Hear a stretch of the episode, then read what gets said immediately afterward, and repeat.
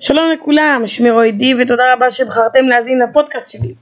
קודם כל ברצוני לציין שהרבה אנשים אהבו את הקונספט של הפודקאסט הקודם לדבר רגוע יותר, זה מה שאני אעשה גם הפעם. בפודקאסט הקודם דיברנו על פרק ג' בספר יונה, והזכרנו את התשובה המוזרה של אנשי ננבה, כגון זאת המתוארת בפסוקים, ויקראו צום וילבשו שקים מגדולם ועד קטנם. מגדולם בסדר הבנתי, אבל למה קטנם? או האדם והבהמה, הבקר והצאן אל יטעמו מאומה? האדם בצום בסדר, אבל למה הבהמות? שנתחיל.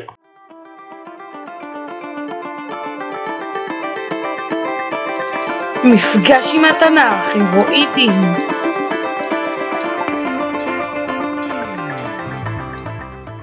אז לכאורה, מה מוזר בתשובת אנשי ננבה? כתוב, וירא השם את מעשיהם כי שבו מדרכם הרעה. פשוט וקל, אנשי נינווה חזרו בתשובה, שבו ממעשיהם, והשם סלח להם. פשוט, לא? אז זהו, שלא. למי שאינו יודע, יש מחלוקת גדולה על זה. מצחיק שזו אינה מחלוקת פנים אל פנים מול מי שאתה חולק עליו, אלא זה פשוט שבתלמוד הירושלמי כתוב ככה, ובתלמוד הבבלי כתוב ככה. במשנה במסכת תענית כתוב על uh, תעניות גשמים, כן, משנה uh, פרק ב', משנה א'. הזקן שבהם אומר לפניהם דברי כיבושין, אחינו, לא נאמר באנשי ננבה וירא אלוקים את שקם ואת תעניתם, אלא וירא אלוקים את מעשיהם כי שבו מדרכם הרעה.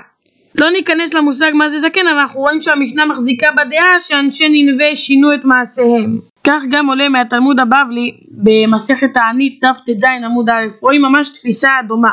וישובו איש מדרכו הרעה ומן החמאס אשר בכפיהם. שואלת הגמרא, מה היו מן החמאס אשר בכפיהם?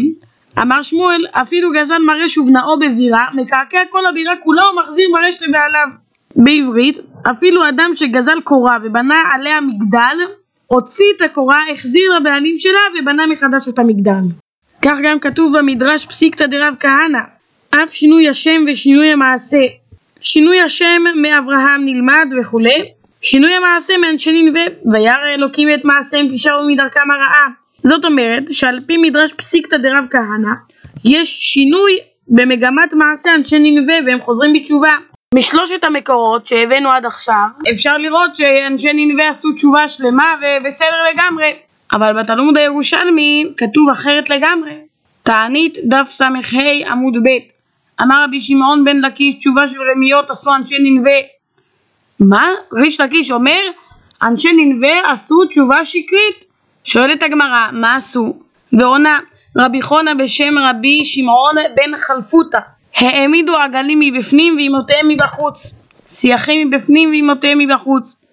והבן אילן גאיה מן ואילן גאיה מן תרגום לעברית אמר רבי שמעון בן חלפותא אנשי ננבה עשו מניפולציה לקדוש ברוך הוא. מה הם עשו? העמידו עגלים בתוך מבנה ופרות מבחוץ וכך גם עשו עם הסייחים העמידו אותם מבפנים ואת הסוסות מבחוץ כדי לגרום להם צער. גם צער לשיח וגם צער לסוסה ואותו דבר גם עם העגל. גם צער לעגל גם צער לפרה.